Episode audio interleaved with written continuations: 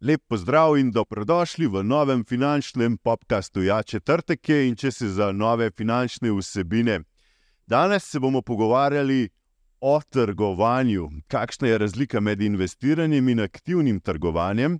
Zato uvodoma vam najprej predstavim današnjega gosta, ki je pravzaprav aktivni trgovalec, vodja prodaje z Optim Traderja, Nikola, Nikola Nenad Stankovič, se upravičujem. Uh, Nenad, lep pozdrav, dobrodošli. Zdravo, ali živa. Um, upam, da se dobro počutiš, se bo vtikala lahko. Lahko.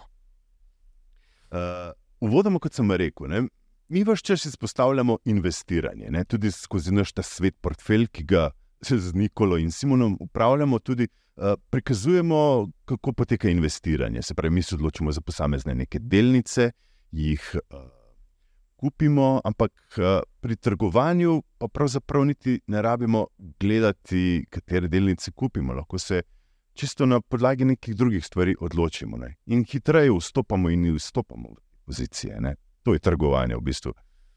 Um, ja, mislim, trgovanje. Um več različnih aspektov imaš, ne? tudi konec koncev to, kar uh, delate s tem portfeljem, je na nek način trgovanje. Ne?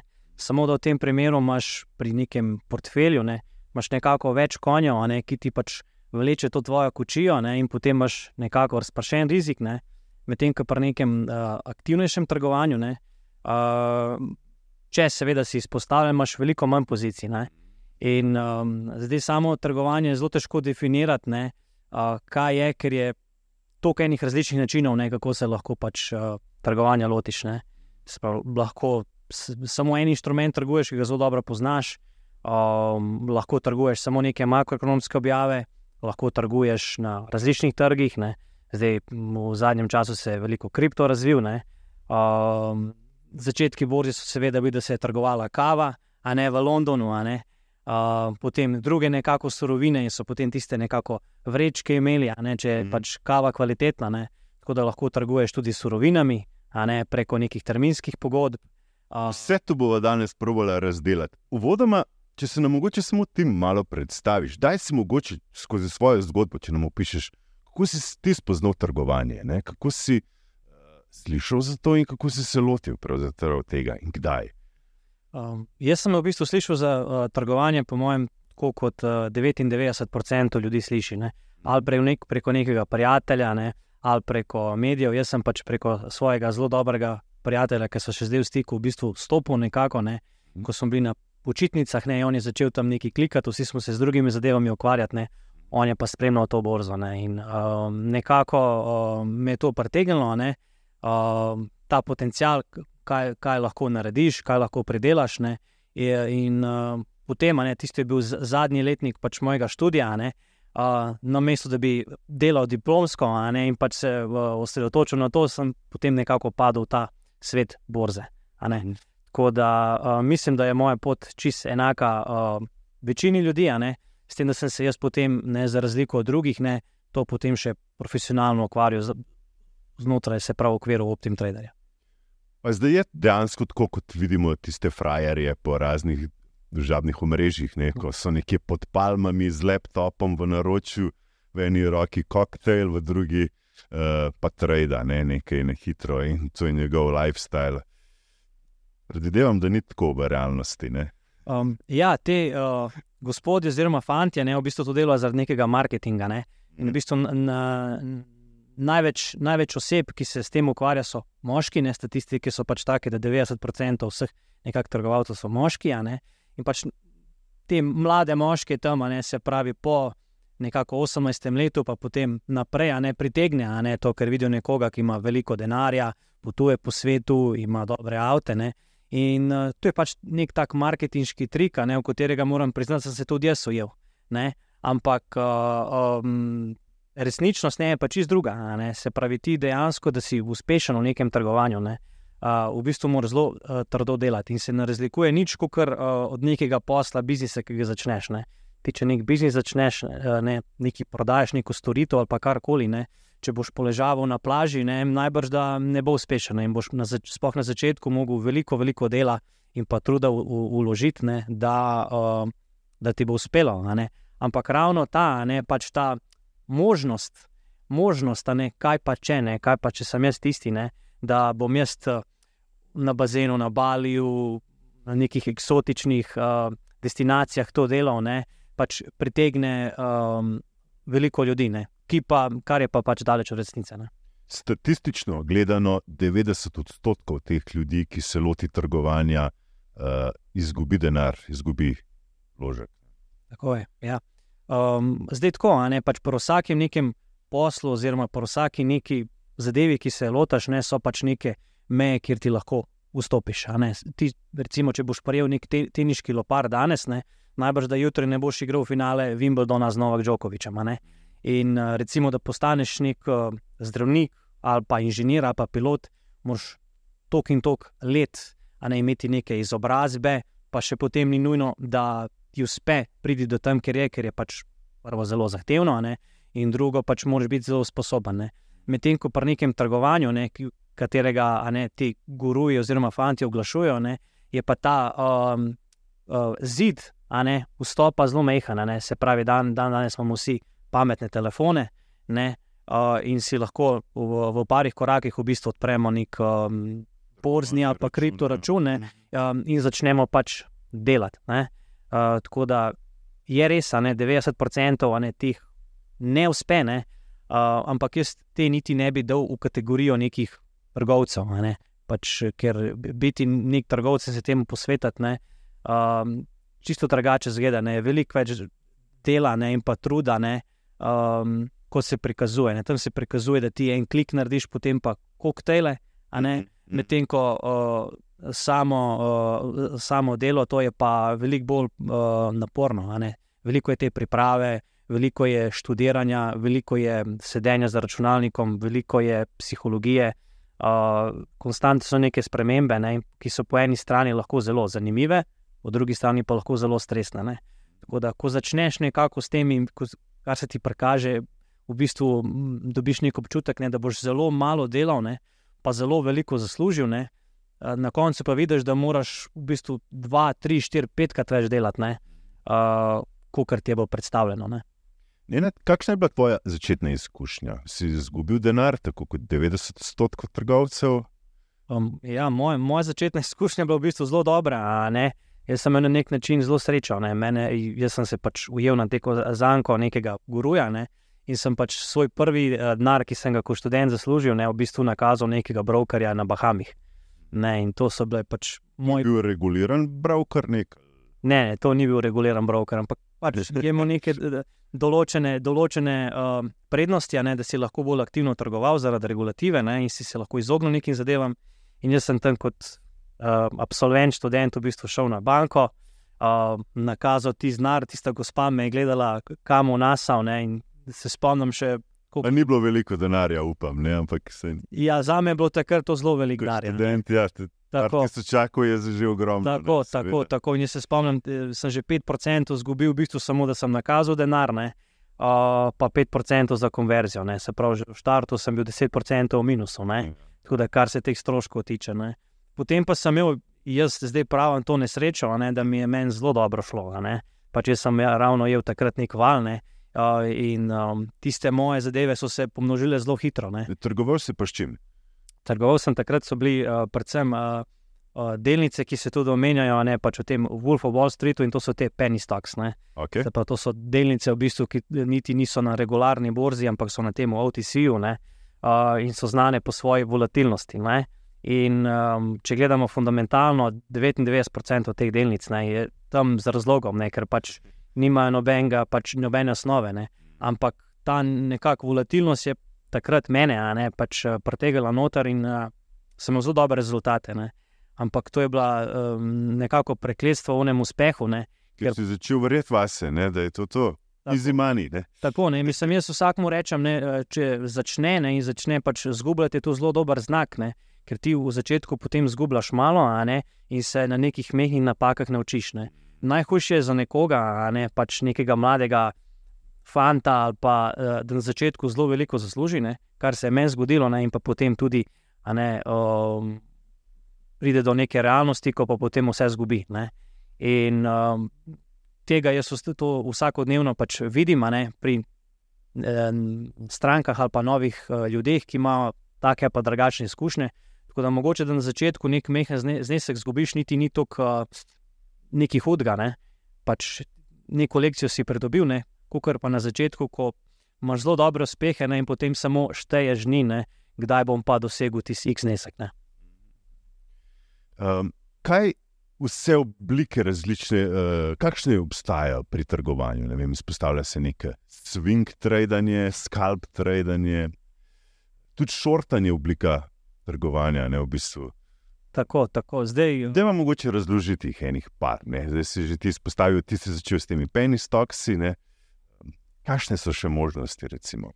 Zdaj, možnost je tukaj res neomejeno. Ne? Ja? Ti si omenil swing trading, pa mogoče uh, ni to, ne, kar nam ta beseda na prvo žogo da vedeti. Ne? Pač swing trading ne, to je uh, v, v bistvu uh, držanje neke naložbe, investicije, ne čez dan, ne? ampak uh, čez več dni, ne? več dni do več tednov. S tem, da če ti več tednov v mestu držiš, je to lahko že neka semi investicija. Ne? Tako da uh, na drugi strani imaš day trading, ne? ampak jaz, to v bistvu pomeni, da ti zapreš neko svojo naložbo znotraj dneva. Mm. Ampak jaz to niti ne bi označil kot nek tip trgovanja, ne? ker za me ta tip trgovanja je bolj, kakšno imaš ti idejo o zadju. Ta swing, day trading, scalping, ne? to se pač omenja samo, koliko časa ti držiš ne? neko zadevo. Od par minut, par sekund, cel dan, par dni, tednov, mesecev. To pač nakazuje samo na časovno komponento. Ne? Uh, kar jaz vidim, ne, kaj so pač različni načini trgovanja, ne, razlogi, zakaj si ti vstopil. Mm -hmm. Ali je to neka tehnična zadeva, ali je to neka ideja, ali je to, um, ali to vidiš, da na neki določeni naložbi vidiš, da trg mogoče ni kalkuliral, mm kupuješ podcenjene delnice, kupuješ mogoče delnice, ki so v raztočem trendu. Se pravi, ta logika, ne, zakaj ti nekaj kupuješ. Ne. Tako da jaz bi nekako bolj to ločil kot pa sam swing ali pa day trading. No, se to pri investiranju, kar, kar tudi mi počnemo z našim portfeljem, v bistvu iščemo delnice, ki so. Imajo nižjo vrednost, kar mi verjamemo, da v prihodnje bo ta vrednost delnice narasla. Pri trgovanju pa pravzaprav ne gledamo tega fundamenta, nas niti ne zanima na dolgi rok, ali bo ta firma čez 50 let bolj več vredna, bo imela še boljši denarni tok, še več prihodkov, še več dobička. Mi gledamo pravzaprav zdaj, ne, kaj se s to firmo dogaja, z okoliščinami, z novicami, tedno, dveh, treh, mogoče ne. Potem, ja, tako je. Bolj ta tehnična analiza nas zanima kot fundamentalna. Um, ja, zdaj tako, jaz sem tako rekel, ne, fundamentalna uh, analiza za me, ne, vsaj pri nekem kratkoročnem trgovanju, je zelo dobra, da ti veš, kaj počneš. Ne predvsem stališča tega, da ne boš pač ujel nekega zajca ali pa nekaj, kar je nič vrednega, ne? se pravi, da gre totalno na nič. Ne? Se pravi, če trguješ, da trguješ z nekimi podjetji ali pa indeksi, ne? ki imajo neko vrednost. Ne? Tako da to je zelo pomembno, ne? Kar je mogoče razlika pri uh, nekem. Uh, Investiranje in pa trgovanje, ne, da v bistvu ti gledaš, ne, kako na neke zadeve reagirajo različni trgovci. Ne. Se pravi, uh, nek, neka, neka novica ne, na neki delnici ne, lahko na neke dolgoročne vlagatelje zelo drugače vpliva, kot na neke hedge funde, na neke investitorje. Ne. In tukaj v bistvu ti kot uh, trgovalec iščeš to razliko, ne, ki bi lahko pač zaslužil. Ne. In to je, po mojem mnenju, neka relativnost. Ne. Se pravi, uh, relativno vsak drugače dojema. Ne. Tisto pa potem, kar se zgodi, ne, je pa pač rezultat mojega posla. Ne. Recimo, en primer tak je, da ti imaš lahko na neki delnici zelo dobre rezultate, ne, pa delnica pade. Ne. Zakaj? In to je ravno zaradi relativnosti. Ne. Borza je v bistvu ne, je nek, nek diskontni mehanizem, ne, igra pričakovanj. Ne. In če so neki analitiki v bistvu pričakovali, da bo Apple, Tesla ali pa karkoli imeli zelo dobre rezultate, ne, potem so pa imeli dobre, ampak ne tako dobre, ne, kot se je predvidevalo, bo delnica padla ali pa karkoli, ne glede na to, da so bili rezultati dobri. Ne. Se pravi, borza ne so se pogovarjali, da je na kratek rok v, v, bistvu neka tehnika. Ne? Mhm. Se pravi, uh, na dolgi do... rok pa glasovni, uh, glasovalni aparat. Tako, Skutko, tukaj pač pridejo te relativnosti. Ja, so dobre, uh, lahko novice ali pa slabe, ampak spet uh, relativno glede na kaj. Ne? Ali je to glede na pričakovanja nekih analitikov, ki jih lahko vidimo, ali je to glede na preteklo poslovanje nekega podjetja. Ne? ali je to mogoče na neke pretekle produkte, ne, primer Apple, ko vsako leto izdaja ta uh, iPhone, ne, ali pa mogoče na celoten sektor. Ne. In potem to nekako trgovalci ne, in pa uh, investitorji konstantno primerjajo. Ne. In rezultat tega primerjanja je pa potem uh, ta volatilnost oziroma to trgovanje. Uh -huh, uh -huh. Um, ja, predno se spustiš še v, v, v trgovanje, je treba izbrati pravega brokerja, tudi to je zelo pomembno. Ne?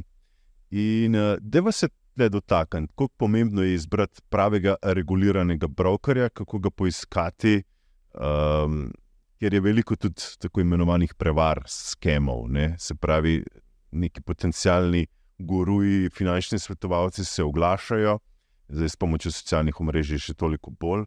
In predlagajo, da bi oni na mesto vas v bistvu to opravljali. Ne? To je velika napaka, če jim zaupamo.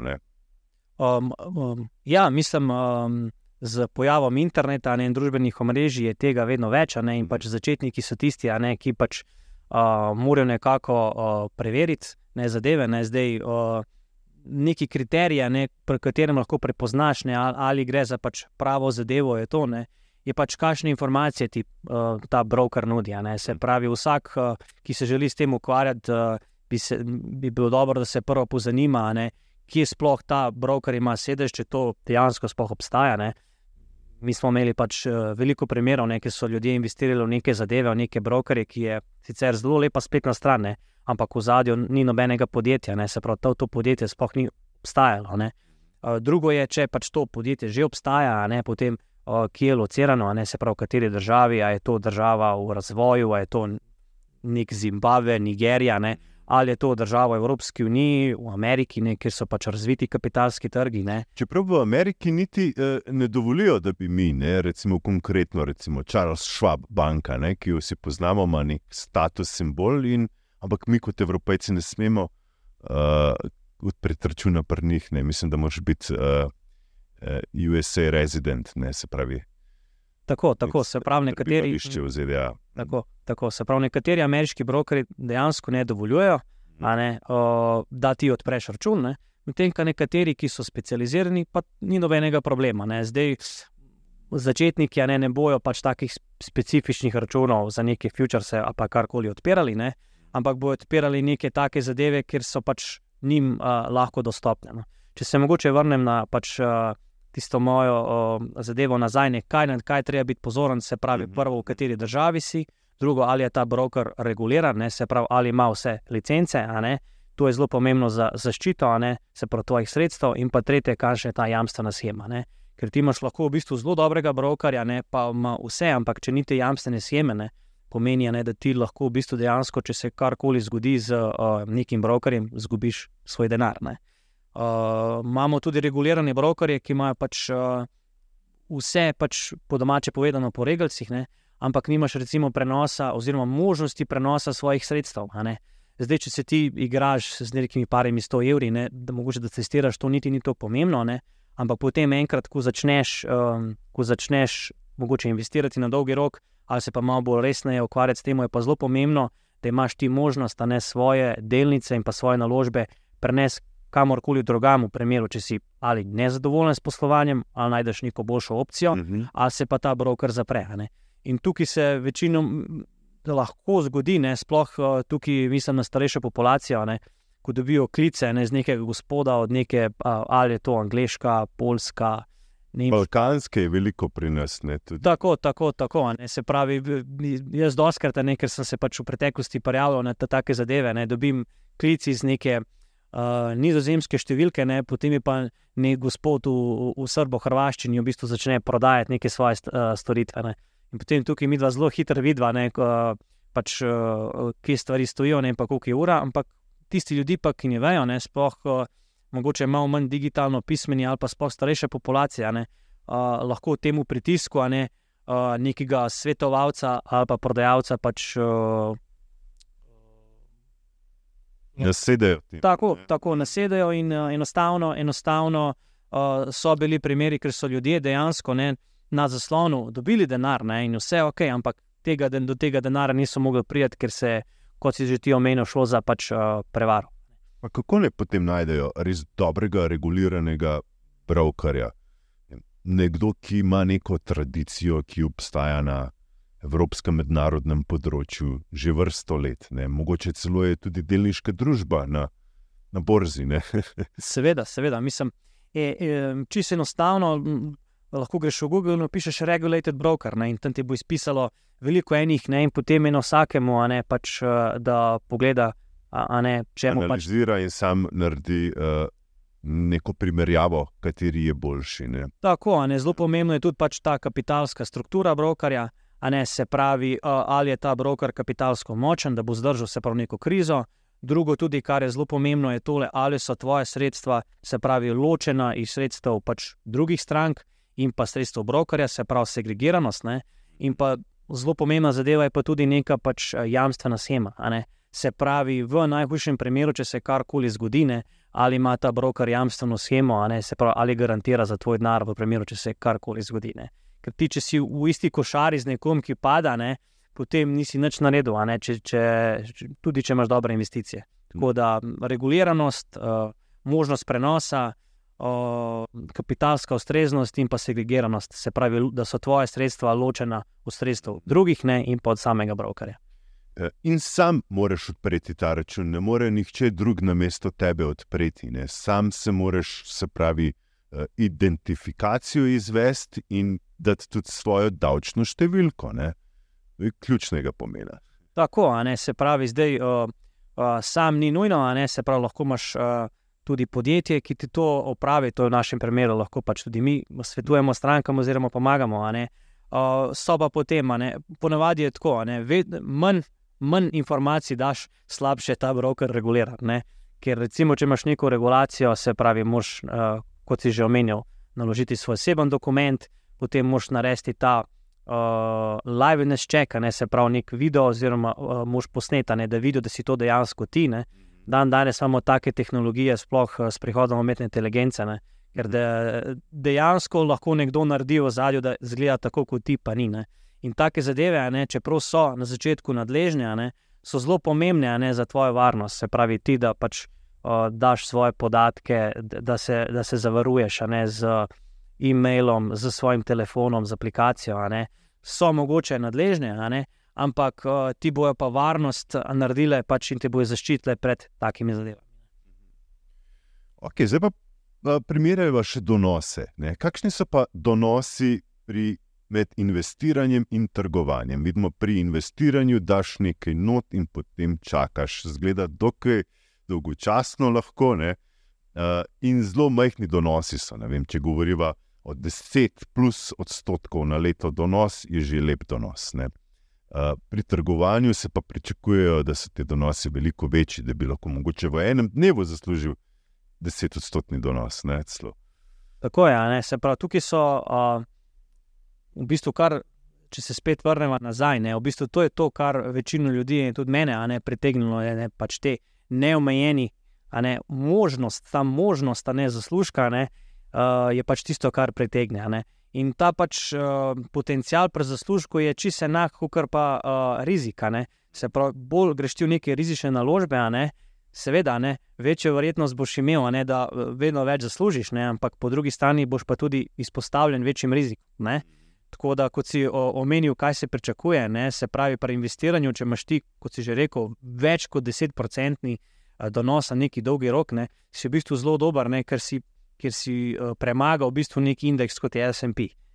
Tudi si dejansko lahko zelo dober investitor. Medtem ko pri trgovanju, ne, če rečemo, da je 90% tistih ljudi, ki se poskusijo lotiti zgubine, ti dejansko, če si za moje pojme, če si že na ničli, ne, pomeni ta nek korak pri uspehu. Mhm. Pravi, ta pričakovanja v bistvu na začetku bi jaz vse tiste, ki se želijo ne, pač, uh, naučiti ali pa probati, ne, da probajo čim več znižati svoje pričakovanja ne, in pa se probajo nekaj naučiti ne? in potem s tem znižanjem pričakovanj lahko dobiš večje donose. Pri samem trgovanju ne, uh, sem videl pri trgovcih uh, in pri naši, pri naši platformi ne, in druge. Uh, Donose, ki uh, imajo več 100%, ne konc koncev, ne smo videli z uh, COVID-om. Pač pri COVID-u smo ne samo v Sloveniji, ampak po celem svetu ljudje ostali doma, ne, večina ljudi je dobilo neke, neka nakazila, ne, te relief čeke v Ameriki, pa tudi potem v Sloveniji. Ne. In potem ljudje, ker nekako niso vedeli, kaj delati, so začeli pač na borzi in trgovati in špekulirati. Ne. In uh, smo videli veliko, veliko primerov, ne, ker so ljudje res veliko zaslužili. Ne. Pri tistem odboju, ki je bil marca 2020, ne, in če so ljudje prave naložbe, ne, uh, v bistvu ne prave, ne, karkoli si v bistvu takrat kupil, ne, dosti stvari je šlo potem gor, ne, sploh kot kakšne tehnologije, ne, uh, Apple, Facebook, Netflix, Tesla, karkoli si takrat kupil. Omenjava kriptotrga, ne, ki je prav tako. Tako, tako se pravi, takrat v bistvu ne, bi bil čas, ne, če si se tega lotil, ne, je bil čas izjemen in za neke investitorje, ne, ki so imeli priložnost kupiti, ne, in za neke kratkoročne trgovce. Ne. Tako da jaz osebno sem bil priča, ne, oziroma sem videl pri uh, trgovcih, ki so lahko naredili ne par deset procentov, ne, ampak kratnike, ne, govorim, ne, 2, 3, 4, 5, 18 kratnika. Ne. In um, pač borza ne, je kako, nekako tako v življenju, ne. vse je nekako ciklično. Ne. Se pravi, v letu imamo neke letne čase, ne, imamo poletje, pomladi, jesen, zimo in tako je tudi na borzi. Se pravi, ti boš imel v nekih desetih letih, ne, verjetno neko krizo, ne, kar bojo recimo, zelo slabi časi za neke investitorje, vlagatelje. Ne imel boš uh, neko obdobje neke, nekega stranskega gibanja, ne, in potem pa te obdobja uh, rasti, ne, in pa tudi obdobja izjemne rasti. Zdaj na dolgi rok ne, pride pač ta streznitev, ker enostavno mora priti, ne, ampak um, krat, na, na kratki rok, ne, če ti ujameš neko dobro naložbo, ne, je pa, ne, kot sem že rekel, potencial izjemen. Res je bilo eh, dobro leto, to med COVID-om, ne? ampak naslednje leto, 2022, je šlo pa potem vse navzdol. Ko gre gor, gre tudi dol. Um, kako prepoznati tak signal, kdaj bo šlo pa spet dol? Je treba znati uporabljati določene indikatorje, obstajajo določeni tehnični indikatorji, ki bi lahko nakazovali, da se bo pa zdaj trend spremenil. Trend pravzaprav to pomeni, da nekaj narašča ali pada. Tako, tako. Mislim, to je zdaj adi vprašanje za milijon dolarjev. Zdaj, če, če, če greva v to, se lahko tukaj pogovarjava še pet ur, ne? ampak uh, za, za tako vprašanje imajo firme, ne? se pravi, cele oddelke ne? in potem skušajo prepoznati, kdaj se bo obrnilo. Ampak uh, resnica je pa taka, da nihče dejansko ne ve. Ne? Vsi hočemo pač predvideti ne? in uh, videti, kaj bo. Ne? In uh, tisto leto je bilo zelo, zelo uspešno, ne? ampak potem, ne, ravno zatem, ko se je COVID končal, se je pa začela ta pravi, vojna med Rusijo in Ukrajino. Ne? Zdaj imamo tudi pač eh, napetosti med Izraelom in Palestino. Um, veliko je napetosti ne, uh, med eh, vele silami Ameriko, Kitajsko, Iranom in Rusijo. Ne? In to vse nekako vpliva na posel. Se pravi, uh, borza v bistvu ne, je pač, kako bo neka ekonomija poslovala nek rok. Ne? In vemo, da vojna ne, pač je lahko za neko določeno uh, poslovanje ne, pač zelo oteži ne, neke zadeve. Ne. Mhm. Zdaj, spet po drugi strani, ne, če pogledamo uh, sam ta uh, SP indeks, je v bistvu zelo dober delo med vojno. Ne, neki, pač, neki sektorje, ne, kot so pač orožje, lahko vidimo zelo dober delo, ne, mhm. tudi tehnologija. Ne. Ampak uh, kaj, oziroma kako prepoznati, ne, to, je, to je zdaj spet čisto odvisno od tega, kakšne so tvoje želje. Ne lahko ti prepoznaš, ne, če si zelo dober, uh, nek donos naredil, recimo par sto procentov donos, in si sam rečeš, le, ne glede na to, kaj, bo, kaj se bo zgodilo, to je to. Ne. Dosti krat, uh, sploh pri aktivnem trgovanju, ne, je bolj to, da to pri sebi prepoznaš, kot pa na borzi. Ne. In uh, kot sem rekel, ne, več, veliko ljudi je pač med tem COVID-om, uh, sploh s kriptotom, veliko zaslužilo. Ne. Zdaj, koliko jih bo obdržalo, ne, je, pa, je, pa, uh, je pa drugo vprašanje. Ne. In tukaj vprašanje, ne, ki bi si ga mogli postavljati, je ne to, ne, kako zaslužiti ne, potem, ne, ampak uh, kako obdržati ta denar. Ne. In tukaj je v bistvu ta, uh, uh, tisto, kar loči tiste najbolj uspešne ne, med tistimi, ki niso tako uspešni. Um, kljub temu, ne, pri svojem aktivnem trgovanju, katere indikatorje ti uporabljaš? Recimo? Jih sploh uporabljaš, ne? ker nekateri trgovci jih niti ne uporabljajo. Vidim, da nek support resistance uporabljajo, ne? tiste črte in uh, je to jim čisto dovolj. Pravijo, bolj je čista uh, ta uh, razpredelnica, uh, lažje se odloča, kot če si. Gor namečeš milijone nekih indikatorjev in črt in vsega, in potem niti ne veš več, kaj gledaš. Pravzaprav. Ja, to je en tak uh, borzni vic. Pač, uh, ko začneš trgovati, v bistvu nič ne veš, ne? Potem ti nekaj uh, uspeva ne? in potem misliš, da če boš imel več monitor, pa več črt, ne? Ja. boš bolj uspešen. Ne? Ampak potem, uh, ko vidiš, ne, dejansko vidiš, da manj je več. Ne? Uh, tako da, če se čist tehnične analize pač, uh, dotakneva, ne, tehnična analiza je v bistvu samo eden izmed, uh, eden izmed delov, ne, kako se pač ti odločiš na to. Ne.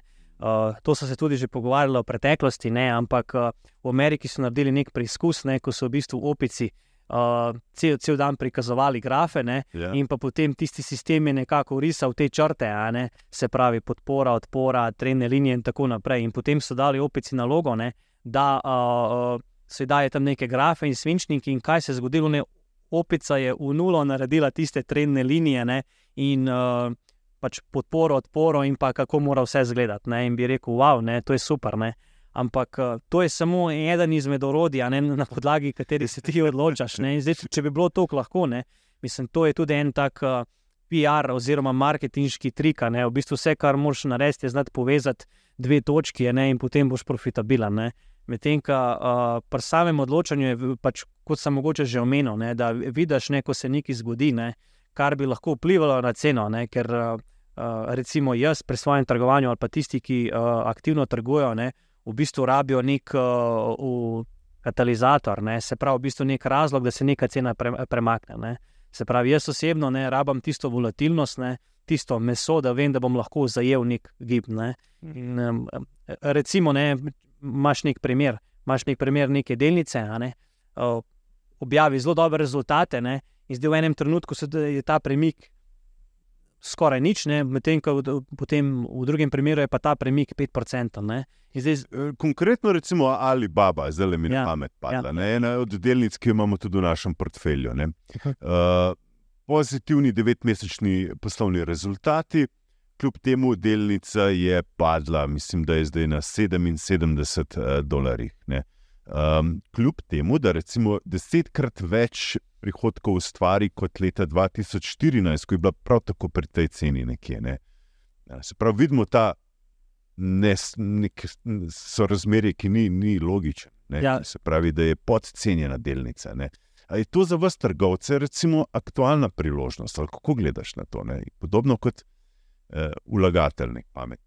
tako, zdaj tukaj se lahko mogoče vidi pač razlika med vlaganjem in trgovanjem. Ne. Ja. Se pravi, ti, ko pogledaš fundamente, ne, pogledaš, kje je bila delnica ali baba, recimo tri leta nazaj, ne, ko je bila tam okoli 300-320, ne, Mhm. a, pa če pogledamo zdaj, je tam okoli 75, ne, Mhm. dejansko ali baba boš posluje. a. Oni imajo vsako leto uh, večji promet. Ne. Se pravi, po tej logiki ne bi mogle biti više, ne, pa ni. Ne. Kot 350. ja. Tako, Tako. ne, ampak potem imaš tukaj ti druge, druge dejavnike, ne, kot so recimo pač, uh, Geopolitične. eh, kitajska regulativa, uh, partija in tako naprej. Ne. In tukaj je potem zelo pomembno, da ti veš, v kakšnem okolju a ne, se pač uh, nahajaš. Ne. In uh, če imaš ti recimo neko partijo, ki te konstantno pritiska, ne, to, za, to za neke delničarje, trgovce predstavlja nek dodaten rizik. Ne. In uh, recimo en tak velik rizik je bil, da nimo parali babi, ne, je veliko govora bilo o tem, da sploh ne bo več na ameriški borzi, da bo delistano. Ne. Mhm. In takrat je bil strah, ne glede na to, da je bila dobra delnica, ne, je bil strah, kaj se bo zgodilo pa z mojim denarjem, ali bomo kupovati to zdaj v Hongkongu in Mhm. tako naprej. Eden zelo podobnih primerov je to, ne, če, imaš ti, uh, če imaš ti neko delnico, ki super posluje, vse. Jaz sem že bil v takih zadevah, ne, ko je delnica, ko pogledaš, ne, se pravi, je spot on, idealna investicija, ne, ampak potem pa dobi neko preiskavo strani regulatorja, ne, SSC, a ne zdaj pač bomo razdrli, bomo vse gledali. Ne, in to je kot nekakšen črni oblak, ne, ki pač se zgrinja nad tabo. Ne, in zdaj, recimo, če dam neko analogijo, ne, to je kot da bi ti svojim otrokom zdaj rekel, ne, uh, uh, fanti, gremo na piknik. Ne, Ta vikend gremo pa na piknik, ne, je pa vremenska napoved ne konstantno slaba. In ti zdaj v, v vsak, vsak vikend rečeš, mi bomo na piknik hodili, ampak vsak vikend je, se pravi, daž. Ne. Se pravi, ne glede na to, uh, pač, uh, imaš ti dobro pripravljene stvari v košari, ne, da boš uh, nekaj naredil na piknik, ne boste šli. Ne. In enako je tudi tukaj. Ne. Se pravi, zelo uh, pomembno je prvo to, ne, da ti veš, v kakšnem okolju se nahajaš. Ne. Neke zadeve zelo dobro delujejo ne, v času vojne, oziroma v času nekih napetosti, druge zadeve pa zelo dobro delajo v nekih drugih okoljih. Ne. In ta sezonskost ne, je zelo pomembna, ne, vsaj pri trgovanju. Ne. Na dolgi rok, ne, kot sem že rekla, ne, Je pa borza, ne, glasovalni aparat. Ne. Se pravi, če je delnica fundamentalno dobra, ne, so zdaj recimo za Alibabo izjemni, izjemni nivoji na dolgi rok. Ker se pričakuje, da nek, nekdo, nekaj bo mogel na površje preplavati ta kvaliteta, ne, ta, ta neka tehnika se bo, bo spet uh, najdla neko razmerje, ki bo ki veliko bolj logično. Ne. Ampak kako pa trgovec, recimo, se, se loti, aktivni trgovec ali babe? Zdaj, recimo, zdaj recimo, če pogledamo ali babo, ne, Ja. uh, recimo, če analiziraš vse novice, ne, jaz kako bi pač to gledal, pa če ne pogledam nobene bilance ali babe, karkoli, uh, jaz bi pogledal, kakšne novice so bile. Ne, Okej. In pa kako je ta novica vplivala a ne, na samo gibanje. Se pravi, vemo, slaba novica, baba pade za 5% dol, slaba novica, baba pade za 10% dol, slaba novica, baba pade za 3%, slaba novica pade za 1, pade za 2, se ne premika. In najboljši indikator za me, kako bi jaz gledal na ta obrat, je kontejnernost slabih novic, ne, pa da se delavca nikamor ne premakne. To meni Dosegla dno. To pomeni nekako, nekako pove, a ne, da so pač delničari uh, oziroma trg nekako navajeni in diskontiral, da okay, vse to smo pa že slišali, ne, in pač nekako vidijo, da delanca ne bo šla gor. Se pravi, meni je veliko bolj pomembno to dojemanje trga, ne neke delance, kot pa sama vrednost. Ne, in jaz na, na, na podlagi tega ne, lahko vidim, ali je pač potencijalno možnost za obrat. Zdaj, ali se bo ta obrat zgodil, ne, jaz ne morem vedeti, ne, ampak lahko pa sprejmem rizik. Ne? In to je v bistvu nekako trgovanje, ne? sprejemanje teh, teh minimalnih rizikov ne? za potencijalen velik, uh, uh, večji donos. Ne? Mm. Isto, če obrneva zadevo, ne? ti imaš lahko neko delnico, ne? Tesla, recimo, ali pa karkoli, ne? Ko ima konstantno dobre, dobre, dobre rezultate, vedno boljše, boljše rezultate, ne? in delanca ne dosega več takih premikov, ne, kot je, ne? se pravi, vedno manjša rast. Zelo lep primer, recimo ta šalo v nekakšnem borznem svetu, ne, se, dobijo, se, do, se dobijo delničari, Mm. ne ti top pet delničarjev, ne, na drugi strani imajo bord. Ne, in vprašajo tega gospoda direktorja, ne, povejte mi pač, kako podjetje posluje. Ne, in um, reče pač tisti direktor, gospod, rekordno poslovanje, imamo rekordni kvartal, največji dobiček je, vse je top, ne, se pravi. Vse je v redu, ne, in pač gospodje poslušajo ne, in rečejo: Povejte mi, gospod direktor, kako bi vi opisali a ne, pač, o, poslovanje vašega podjetja. In reče direktor: a ne, ne bi moglo biti boljše, ne, it couldn't be better. Ne. In kaj, kaj naredijo te delničari? Prodajo vse. tako, a ne, tako, Zakaj? Ker je rekel, se boljš ne more biti. tako, tako. In to je recimo, Dobro, ja. tako, to je recimo ne, en tak uh, primer ne, uh, razmišljanja, ki ga pač jaz vsaj uh, skušam ne, pač upeljati, ne, da vidim, kako trg reagira. In se pač tam pozicionirati. Ne? In na kratki rok ne, je veliko bolj pomembna ta relativnost, ne? kdo bo pač uh, vstopil noter in pa kaj, kot pa dejansko, kaj bo čez deset let. Deset let ne? Okay, kaj pa to digitalno suženstvo? Ne? Da si pravzaprav uh, toliko časa buliš v te zaslone, v te grafe, da, da pravzaprav um, za razliko od fundamenta, ne, kot tam recimo pri investiranju gledaš v številke, gledaš denarni tok, prihodke, dobičke, uh, zadolženost podjetja, tukaj pa dejansko gledaš tiste svečke uh, in gibanja. Ne? In ja, to, to zna biti tudi zelo naporno. Ne? Tako je, ja, mislim, jaz si zdaj ne predstavljam, kako je v, v svetu kripta, ne? ker kripto je zdaj odprt pač 24-7. ne, Tako da ne vem, kako te mladi fanti zdaj, ki so Ne pač počivajo. tako, ne, tisti je pač v bistvu 24-7 odprto. Ne, in, um, uh, ja, to je zelo dobro vprašanje, mogoče za njih, ne, kar je uh, v bistvu na borzi nek, nekako dobro. Ne, vs- vsaj, če se mogoče dnevnega trgovanja lotiš, ne, je pač, da ima borza um, neke odpiralne čase, ne, da nima ameriška borza je odprta med pol četrto uro, pa do 10 ur zvečer po našem času, oziroma 9:30 pa do 16. Ne.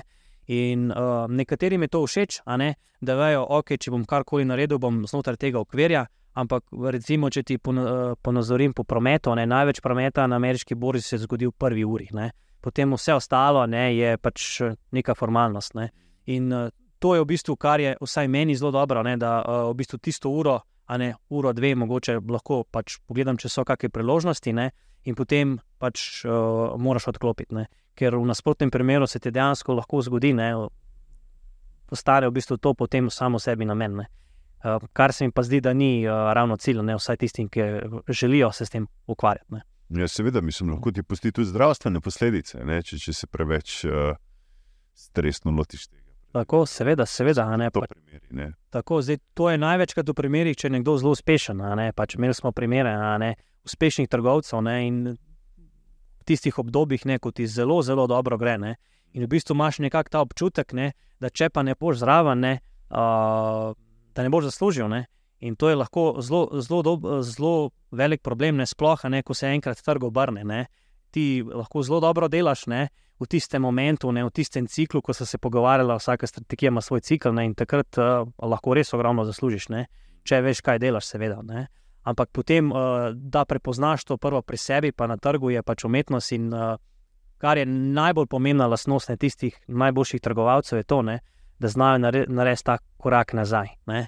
In uh, to je, po mojem mnenju, na, najbolj pomembno, ne, da ti znaš ostaviti znaš uh, odklopiti se od borza, ne, pogledati svežimi očmi. In to je, to, to je tisti trgovci, s katerimi sem se pogovarjal, neštetoma iz Amerike, iz Indije, iz Velike Britanije, z mojimi uh, prijatelji iz borznega sveta. To je nekako za njih nekako najboljša kvaliteta teh trgovcev, da se znaš resetirati.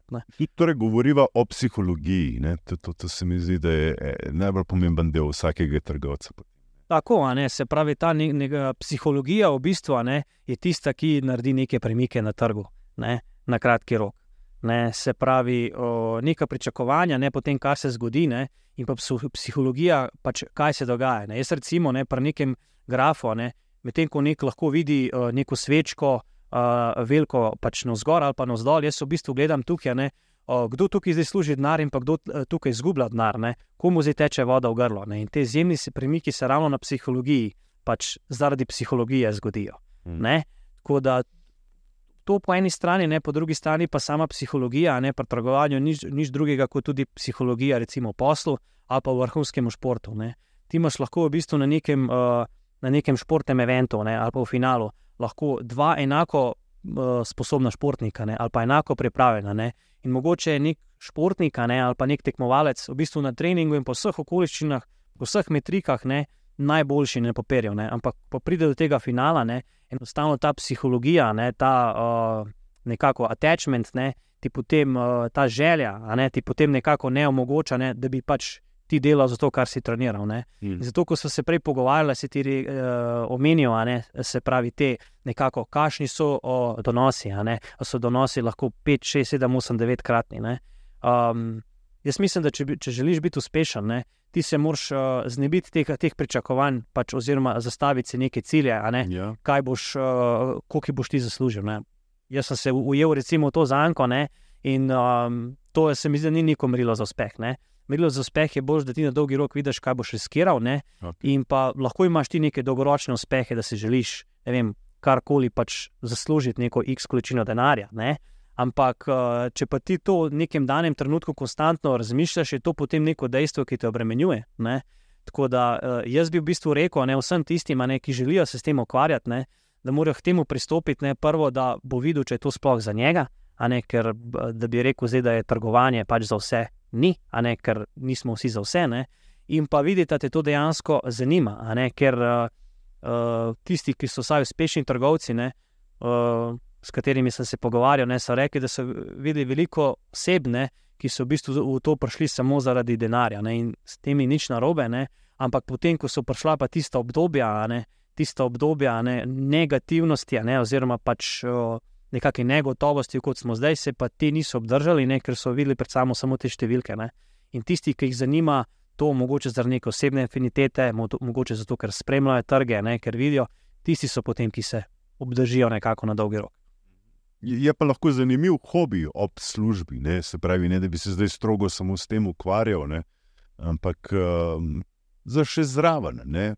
Mogoče lahko tudi, kot, kot so prej izpostavili, lahko si bolj aktiven, manj aktiven, vem, tedensko aktiven, ne rabiš biti vsak dan, ne? pa, pa to spremljati. Najbolj važno je pa, da mirno spiš na koncu, se mi zdi, ne spet so pri psihologiji. Tako, tako, tako se pravi, en, en tak rek je, a ne, se pravi, eh, kako določiti, a ne, ali si preveč a ne, pač upleten noter ali si preveč, ne, če ne moreš potem mirno spati. Se pravi, uh, jaz niti ne bi rekel, ne, da si moraš uh, določiti, da zdaj moram pa vsak teden uh, trgovati, ali pa vsak dan, ali pa vsak mesec. Ne. Uh, jaz bi rekel, da trguj takrat, ne, ko vidiš neko priložnost. Ne, in ti boš imel spet, če se vrnemo na te cikle, o, ko je izjemno priložnost in takrat potem ti je res nekako, da če nisi poleg, a ne potem, a ne, ne po, po, po narekovajih, izgubljaš denar. Ne. Potem imaš ne, druga obdobja, ne, ko pa dejansko bi bil ti bo najboljš, ne, da, da pokličeš tistega gospoda, ki te je targetiral in greš skupaj z njim koktejl pit. Ne. Tako da uh, tukaj je pač trguj takrat, ko ti trg da priložnost. Ne. In potem dosti ljudi lahko zmoti, ne, ker je trgoval neko, vsak dan in je služil, ne, da bo pa to ne, kontinuirano lahko delal. Ne. Na, vedno so neke spremembe, ne, pač uh, stalnica, ne, v, v, sploh, sploh v borzi. Ne. In isto, recimo, če se dotaknemo vrhunskega športa, ne, ti tudi ne boš. Uh, penal mogel konstantno izvajati, ali pa pač kot. Ne. So pač določene situacije, ker so določene priložnosti, ker lahko izkoristiš, ne, in enako je tukaj pa borzi.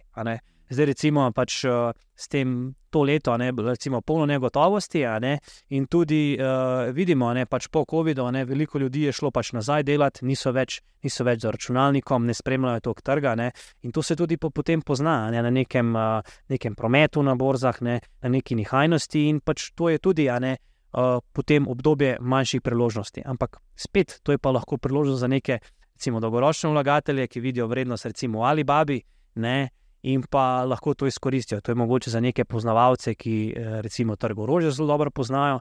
Uh, ko si omenil, pa recimo uh, nek hobi, ne, uh, poznam dosti ljudi, ne, ki si rečejo, jaz se pač dnevno s tem ne bom ukvarjal, ne, ampak uh, imam pa to kot nek hobi, ne? in jaz se s tem izobražujem. Jaz, ko, jaz, ko investiram v neko podjetje, ne? jaz se izobražujem ne? in potem vidim. In to potem tudi v mojem poslu lahko izkoristim, ne? kaj se dogaja na Kitajskem, kaj se dogaja v Ameriki, kaj se dogaja v Rusiji. Ne? Tako da to je v bistvu zelo nek, neko tako izobraževanje. Ne? In skozi borzo se lahko veliko, veliko naučiš. Ne? Neizogibni del uh, vse te igre so pa davki. Ne glede, ali si dolgoročni investitor ali si trgovec, uh, davke je treba plačati. Mogoče, če najprej razloživa, kakšni te davki so in kakšni davki pri jim se sploh plačajo. Ja, uh, se pravi, pri uh, investiranju oziroma trgovanju. Ne, uh, uh, nekako so različne, ne, te pač skupine, ne, ki jih moramo poročati. Se pravi, če trguješ z vrednostnimi papirji, oziroma delnici, delnicami, oziroma investiraš v neke sklade, je to seveda pač napoved kapitalskih dobičkov. Ne. Če trguješ kakšnimi izvedenimi finančnimi instrumenti, se pravi, to so terminske pogodbe, terminske pogodbe na sorovine, na bakar, nafto, uran, premog in tako naprej, opcije. Ne, uh, to so potem izvedeni finančni instrumenti. Ne. Tudi šortanje, tako imenovano, no, ko, staviš, da bo neka delnica padla dol, tudi to je CFD, ne, je taka oznaka. Ni nujno, ni nujno, to je zdaj odvisno, spet se vrnemo na brokerje. Ponavadi te brokerje omogočajo stavo na nek padec preko CFD. -ja, Medtem ko če imaš nekega reguliranega brokerja, ki ti dejansko omogoča nek direktni dostop, e, dinamika tako poteka, da si ti sposodiš delnice. Ne, in jih prodaš na trgu, ne? kar za marsikaterega pač ni nobene logike, ne? kako naj zdaj jaz nekaj prodam, kar sploh nimam. Ne? Ampak uh, ti v bistvu prodaš takrat delnico ne? z namenom, da jo boš potem uh, nazaj kupil ne? z po nižji ceni. Ne? In mm. to razliko v ceni, ne ti potem uh, pač. Uh, Zaslužiš. Mm -hmm. Če se pa vrnemo nazaj na davke, ne, -hmm. CFD-ji se, se pač tretirajo kot uh, inštrument, ki se poroča uh, uh, davek od dohodkov izvedenih finančnih inštrumentov, medtem ko šortanje delnic, recimo, je pa v delnicah. Ne? In to sta zdaj dva ločena, nekako uh, davčna segmenta. Uh, potem imamo tukaj za neke dolgoročne investitorje, ne, ki pač imajo portfelj, ne mogoče tudi, da bi zaslužili, ampak jim je zelo privlačen ta dividendni donos. Ne. In tukaj so potem tudi dividende.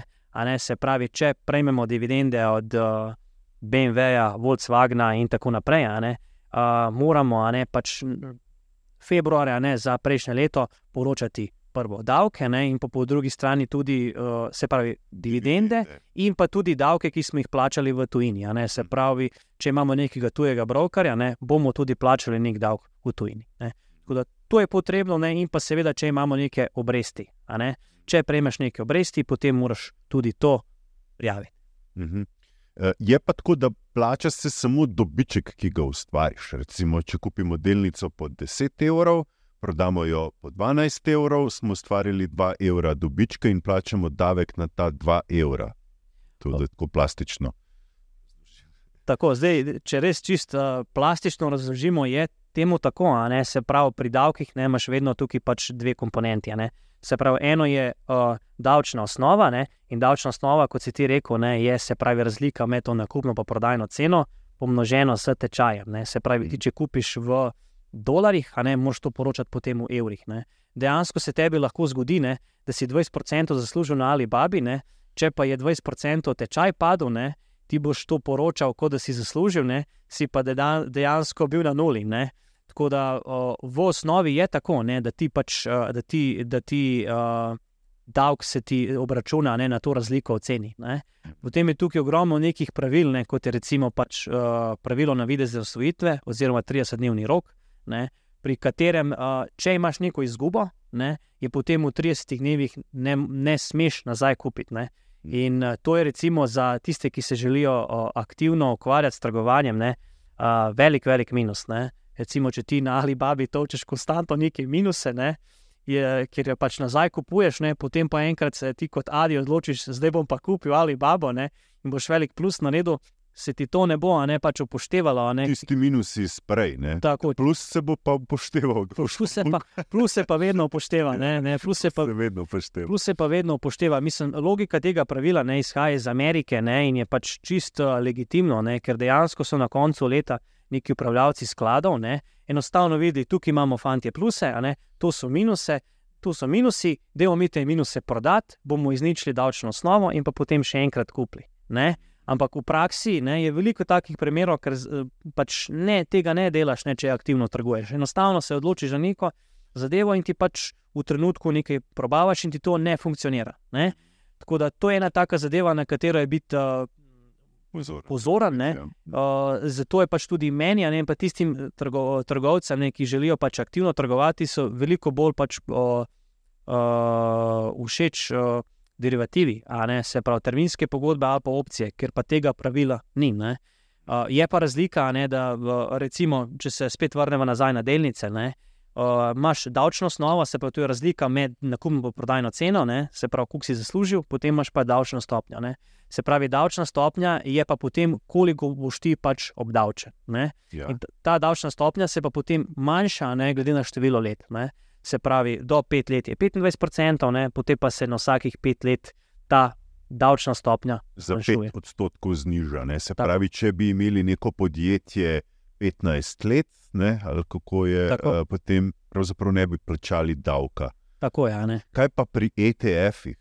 Isto pravilo, tudi če imaš ETF, recimo. Tako se pravi, ETF, ne, oziroma uh, ali pač vzemni skladi, ali pa ETF, ki so Exchange Traded Fund, ne, to je v bistvu nič drugega ne, kot uh, sklad, ki kotira na borzi kot delnica. ne. Mhm. In zato je tudi kot tak, a ne tretiran kot delnica, zato pač ETF enostavno tudi pač umeščamo a ne, v uh, napoved za delnice. Zdaj mi imamo uh, konkretno tudi en ETF v našem portfelju, ki sledi ceni Bitcoina.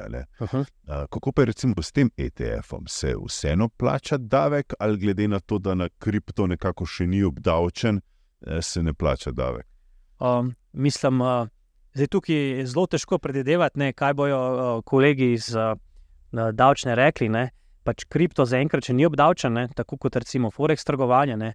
zdaj ali bo tega ne vemo. Ne. In pa to je potem tudi odvisno, kako tretirajo. Ne. Ampak glede na to, da je to ETF ne, in da je to neka delnica, jaz mislim, da bo to v vsakem primeru pač obdavčeno. Ne. Tako, zdaj to tukaj govorimo, ne pač v primeru teh davkov. Ne, govorimo, če ti trguješ uh, na borzi kot fizična oseba. Ne, se pravi, če trguješ zase. Ne. Zdaj na borzi uh, lahko tudi pač odpreš, če imaš podjetje, tudi pač račun kot pravna oseba. Ne. In tukaj je potem čisto drugačna, so čisto drugačna pravila. Ne. Pravila, ja. Tako, tako, tako da dosti ljudi se pač tudi odloči potem, uh, ali če imajo podjetje, da potem tam trgujejo, a ne zaradi nekih ugodnosti, ali ga pa tudi odprejo. Ne. Eh, Sicer se pa, pa plačuje poprečen davek pri nakupu delnice in ustvarjanju dobička, kot 25 odstotkov. Ne, če kupiš neko, se pravi, kot so prej rekli, po 10 evrov za 12 prodam, imam 2 evra eh, dobička in plačam 25 odstotkov teh 2 evrov. ne. Tako, tako se pravi, če si kratkoročni trgovec, aktivni trgovec, ne, na delnice boš plačal 25%, ne, pri derivativih ne, pa zgodba je veliko bolj drugačna. Ne. Pri derivativih se pravi opcije, terminske pogodbe, certifik uh, certifikati, CFD, ne, je pa ta davčna stopnja do enega leta 40%. Ne. Mislim, da- je najvišja v, v Evropi. Celo. Tako, tako ena, ena, izmed, ena izmed višjih, ne, zdaj, Ja. ja. uh, tukaj zdaj debatirati o tem, ali je to ok ali ni. To, Smotrno ali ne, ne, to bo prepustila uh, drugim, ne. poznavalcem tako, ampak je pa zagotovo visok ne, eh, odstotek davka, ki, ki gre za to. 40 odstotkov. Ne. Tako, recimo, dosti trgovcev, ne, ki so uspešni, ne, se ravno tudi zaradi tega odloči pač uh, preseliti. Ne. Recimo, uh, davki so aktualna tema, nasplošno tudi pač trenutno. ne. Ja. In veliko trgovcev, ki uspešnih, se pač odloči, da bo trgovalo recimo na Hrvaškem, ne, ker je pa vse veliko, veliko bolj uh, ugodno. davke se mi zdi, da je 10 ali 12 odstotkov, in pa vsi ti razredi, ki sem jih zdaj omenil, nekako pridejo v isto koš. Ne. Se pravi, pomeni pri nas, ne, če boš, če boš ti naredil do- dobiček na delnicah, pa izgubo na, na opcijah, ne, se to ne pokrije. Ne. Medtem, ka, ali pa če boš imel dividende ne, ali pa obresti, ne, je to vse posebej. Ne, se pravi, ti dejansko lahko prideš do situacije, ne, kjer si nekje zaslužil, tam plačaš davek, nekje si izgubil, tam ga ne plačaš, na koncu si ti, če potegnemo tebe, recimo kot Adija, ne, na ničli, ampak še zmeraj boš mogel plačati davek. ne. Tako da Take zadeve so se tudi dogajale že. Ne, in tem, kar to recimo pri nekih drugih uh, sistemih je pa to vse isto. Da, to je sistem, ki ga trenutno imamo. ne. O, nihče, noben sistem ni popoln, ne, ampak evo, pravila so taka uh, igre ne, in teh se zaenkrat moramo držati. Tako da to je to. Ja, Nenad, hvala lepa, ker si bil moj gost danes. Eh, Veliko stvari smo izpostavili. Mislim, da nekatere celo malo boli glava, ker so to stvari slišali. Pa še ogromno enih stvari sem imel napisanih, o katerih sem želel predebatirati, pa nam je žal zmanjkalo časa. Uh, hočem izpostaviti, da to je ena od teh stvari, ko smo vodoma rekla, se jo moraš učiti iz dneva v dan. Bodi radoveden, uči se, ne se bat. Um, seveda bojo napake, seveda boš kot na začetku, ko se učiš voziti kolo, padel, kdaj ne, si podrajal kolena. Ampak eh, važno, da je glava cela ne, in da ne obupaš. Tako je, ja, mislim, zelo dobro si po, uh, povzel. se pravi, lahko pač med trgovanjem in investiranjem lahko potegnemo tudi usporednice ne, v- ali v vrhunskem športu ali pač v življenju. Uh, ne, uh, vedno boš v življenju nekaj padel, ne, in kot je pač roki rekel, ne, uh, kaj pač zaznamuje tiste najboljše, ne, kolikor se bojo pobrali. ne. In enako kot uh, je roki rekel, je tudi ne. Tako da je zelo pomembno, da se znaš prilagoditi. In če te to zanima, ne, če te to veseli, ti to potem postane nekakšen na- način življenja. Ni, ni ne mogoče usvojiti to znanje, to, to hočem tudi reči. Danes se ga sploh da dobiti, marsikaj, različne knjige, eh, podcaste, take le. Ne. Seveda, seveda, seveda. seveda. Ja, mislim, uh, uh, jaz uh, pa kolegi, ko smo začenjali, ne, je v bistvu uh, bil problem najti, ne, kje se izobraziti, ne, kako, in potem smo plačevali različne izobraževanja po tujini in tako naprej. Zdaj pa drug problem v bistvu to, da je tega znanja res ogromno, ne, internet raste. Ne, in In imaš- kvalitetnega in nekvalitetnega tudi. Ne. Tako, bolj je problem tukaj zdaj, ne, pač uh, izluščiti oziroma poiskati te prave informacije. ne. Se pravi, kje boš, uh, kje boš dobil to neko kvalitetno informacijo. Imamo veliko, kot si ti že povedal, skemerjev. Uh, Tako da uh, kvalitetne informacije je zelo, zelo, zelo težko najti. ne. In uh, tukaj pa evo, se lahko mogoče ljudje prijavijo na naš Discord, ne, pa pogledajo, ne, t, mi pač ponujemo uh, našim strankam, tako kot tudi tistim, ki niso naše stranke, neke informacije, za katere uh, cele dneve ne trdo delamo. Ne. Tako da, uh, evo, mogoče kot neka zanimivost. Ne. Hvala lepa, ker si bil um, moj gost danes. Um, Upam, da boš še kdaj prišel, pa da bomo še naprej debatirali tako o davkih, kot o trgovanju. Hvala lepa, Adi. Hvala, Nina. Spoštovani, tako to je bilo za danes uh, vse. Uh, upam, da vam te informacije nekako rezon, rezonirajo, da so vam logične in uh, da so vam vsebine pravzaprav zanimive. Zato nam sledite še naprej vsak četrtek v finančnih obkastih, ponedeljkih v informativni vdaji Svet na kanalu A, kjer pripravljam finančne novice v sklopu rubrike Finančni svet in ob torkih, kjer objavljam finančne komentarje na 24ur.com. Uspešen teden vam želim še naprej in hvala lepa za vašo pozornost. Thanks. Also.